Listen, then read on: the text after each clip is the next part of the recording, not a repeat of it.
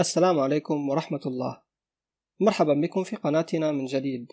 نقدم لكم القصة القصيرة ثلاثة أسئلة من تأليف الفيلسوف الروسي ليو تولستوي. قبل أن نبدأ لا تنسى الضغط على زر الإعجاب تشجيعا لنا لتقديم المزيد. وإن كنت لم تشترك في القناة فاضغط على زر الاشتراك. الحكاية السادسة ثلاثة أسئلة أراد أحد الملوك مرة أن يقف على إجابة ثلاثة أسئلة جالت بخاطره، وظن أنه إن تم له ذلك فلا يكون الفشل حليفه قط في أي مشروع يأخذ على عاتقه القيام به.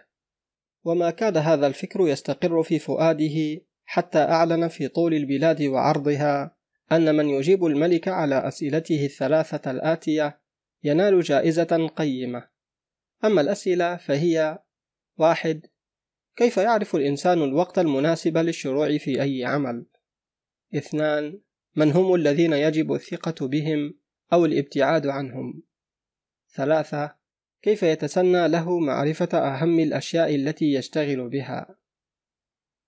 وما كاد هذا يذاع في المدائن حتى تقاطر إليه العلماء من كل صوب إلا أنهم ذهبوا في إجاباتهم مذاهب شتى فقال أحدهم إجابة عن السؤال الأول إذا أراد الإنسان أن يعرف حقيقة الوقت المناسب لبدء كل عمل فما عليه إلا أن يخط جدولا يكتب فيه أسماء الأيام والشهور والسنين محسوبة مقدما ويواظب تماما على العمل به وبذلك يمكنه أن يؤدي كل عمل في وقته المعين. وقال آخرون إن من المحال لأي إنسان أن يتنبأ بالوقت المناسب لكل شيء. وإنما الواجب عليه أن يراقب بكل دقة وانتباه مجرى سير الأحوال التي تحيط به. ومتى علم ذلك؟ صار من السهل عليه معرفة أي الأشياء أكثر أهمية فيبدأ بها في وقتها. إلا أن بعضهم اعترض عليهم فقال مهما يكن الملك يقظا وواعيا لكل ما يحدث حوله فإنه لا يتوصل لمعرفة ذلك إلا بعقده مجلسا يتضمن كبار العلماء والعقلاء. ليساعدوه بأفكارهم على تحديد الوقت المناسب. فرد عليهم آخرون بأن هناك كثيرا من المسائل التي يجب البت فيها في الحال ولا يمكن إرجاؤها حتى ينظر فيها المجلس. فالطريقة المثلى لمعرفة ذلك هي التنبؤ بحوادث المستقبل وبما أن هذا لا يفقهه إلا السحرة فالأجدر بالإنسان مشاورتهم في الأمر. وكان ما أصاب الإجابة عن السؤال الثاني من الاختلاف لا يقل عما أصاب سابقه. فقال أحدهم إن أنفع الناس للملك وأجدرهم بثقته هم وزراؤه ومستشاروه. وقال آخرون الكهنة ورؤساء الدين. وقال ثالث نطس الأطباء. وقال رابع إن المحاربين وطائفة المجاهدين هم الأكثر ضرورة للملك دون سواهم. أما السؤال الثالث فكان نصيب الإجابة عنه من تباين الآراء كذلك ما لا يقل عن سابقيه. فأجاب بعضهم بأن أنفع الأشياء للملك هو العلم. وقال ثان المهارة في الفنون الحربية. وقال غيره الاشتغال بالأمور الدينية. ولما رأى الملك اختلاف العلماء وتباين أفكارهم لم يقتنع بإجابتهم فلم ير أحدا منهم جديرا بالجائزة المعدة. ولما لم يجد الملك ضالته المنشودة في من وفد إلى حضرته من العلماء وكانت رغبته تزداد في الوقوف على أجوبة صحيحة لأسئلته الهامة. عمد إلى المفاوضة مع ناسك مشهور بوافر عقله وغزير حكمته فقام لوقته وارتدى ملابس بسيطة لأن هذا الناسك لا يقابل إلا العامة. ثم سار نحو الغابة التي اتخذها ذلك العابد مسكنا لا يبرحه.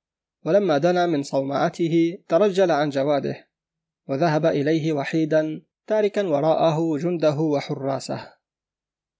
قرب الملك منه فوجده يحفر في الأرض أمام كوخه. فلما وقعت عينا الناسك عليه حياه واستمر في عمله. وبالنسبة لضعف جسمه ونحوله كان كلما جرف بمجرفته قطعة من الأرض علت زفراته وتصاعدت أنفاسه. فتقدم نحوه الملك مخاطبا إياه. إني أتيت إليك أيها الناسك العاقل ملتمسا منك الإجابة عن ثلاثة أسئلة. فهل لا توليني سرورا بتحقيق أمنيتي؟ فأصغى إليه الناسك إلا أنه لم يجبه بكلمة واحدة واستأنف الحفر.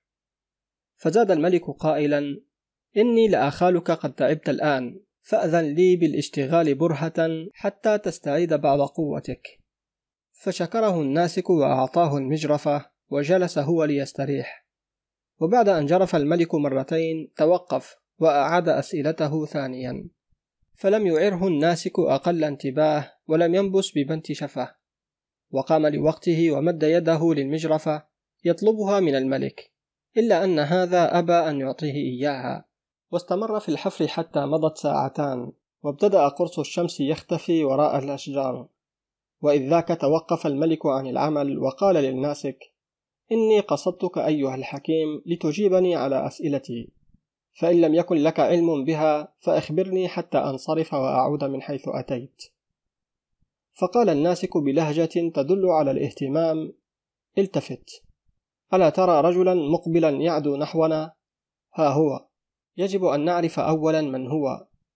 فالتفت الملك فرأى رجلا ذا لحية طويلة يتقدم مسرعا نحوهما واضعا كلتا يديه على بطنه والدم يسيل من تحتهما. ما كاد هذا الغريب يصل حيث يجلس الملك حتى خر على الأرض يصرخ من الألم ويئن أناة متواصلة.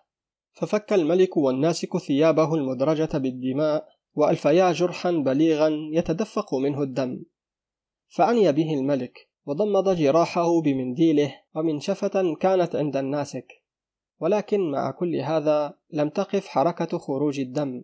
لذلك كان الملك نفسه يزيح العصابة ويمتص الدم بحرارة زائدة ويغسل الجرح مرات عديدة ثم يعيد إليه الضمادة ثانية وهكذا حتى انقطع الدم وانتعش الرجل وطلب جرعة ماء فأحضر الملك له الوعاء وأسقاه منه كفايته. وفي ذلك الوقت مالت الشمس إلى المغيب وأقبل الليل بنسماته الباردة. فحمل الملك والناسك الجريح وأدخلاه الكوخ. وما كادا يوسدانه الفراش حتى أطبق عينيه واستغرق في سبات عميق. أما الملك فقد أعيته مشقة العمل وأنهكه تعب الحركة. فجثى لوقته عند مدخل الكوخ واستسلم أيضا لنوم هادئ طويل. مضت تلك الليلة ونام الملك فيها ملء جفنيه. ولما استيقظ في الصباح أراد أن يعيد إلى ذاكرته حوادث الليلة الماضية إلا أنه قبل أن يتذكر أين هو ومن ذاك الغريب النائم على الفراش الناظر إليه بعينين براقتين سمع صوتا ضعيفا يقول سامحني. فعلم أنه صوت ذلك الغريب الجريح.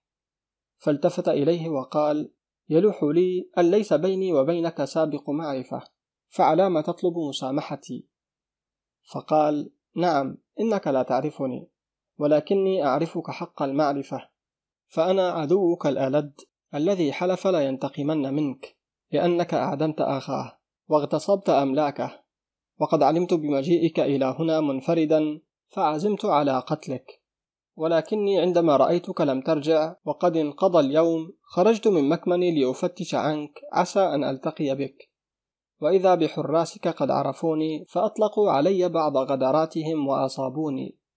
فهربت من أمامهم والدم يتدفق والآلام تزداد حتى رماني الله بين يديك. فضمدت جرحي وعطفت علي فما أطهر قلبك وأرق عواطفك. يا رباه إني أتيت لأقتلك ولكنك أنقذتني من الموت وبعثت في الحياة ثانية. فلا أشكرنك ما حييت ولن أنسى هاتيك الأيادي البيضاء ما دام في عرق ينبض ولي لسان ينطق ولا أكونن لك الخادم المطيع والعبد الأمين ما دمت أستنشق نسمات الحياة. وسآمر أولادي أن يقتفوا أثري من بعدي فنوقف حياتنا جميعا لخدمة الملك. ولا تسل عن سرور الملك وقتئذ فقد كان عظيما ولا شك في ذلك. فإن الصلح الذي عقده مع عدو من ألد خصومه بدون أن يبذل في سبيله أقل مجهود يعد حقا صفقة رابحة له.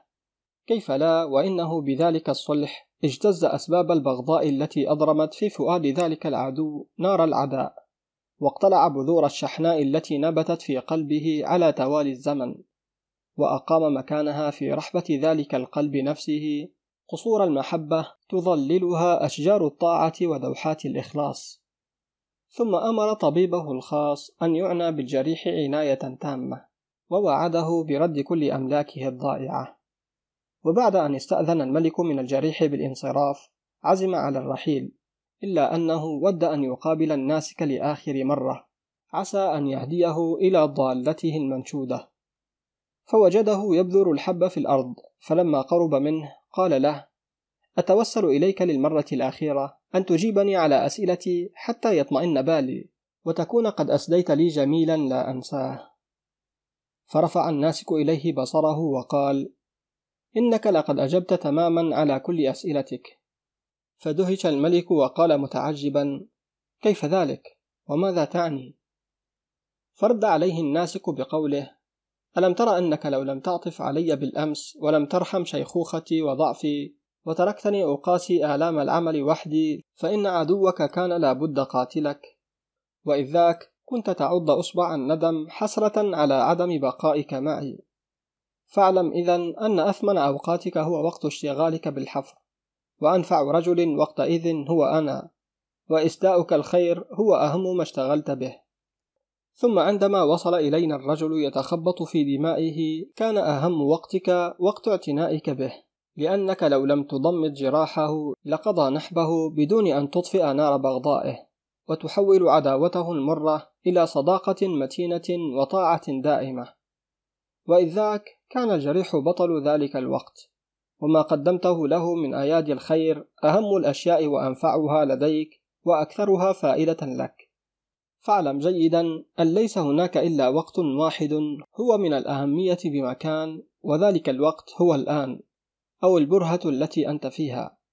وما هذا إلا لأنك تكون فيه مالكا ومستجمعا لكل قواك الحالية وأهم رجل هو من تتكلم معه لأنك لست عالما بما هو مسطر لك في سجل القدر. وفعلك الخير له أنفس ما تشتغل به لأن لهذا الغرض وحده دون سواه ظهر الإنسان على مسرح الحياة. انتهت القصة القصيرة ثلاثة أسئلة. من تأليف الفيلسوف الروسي ليو تولستوي.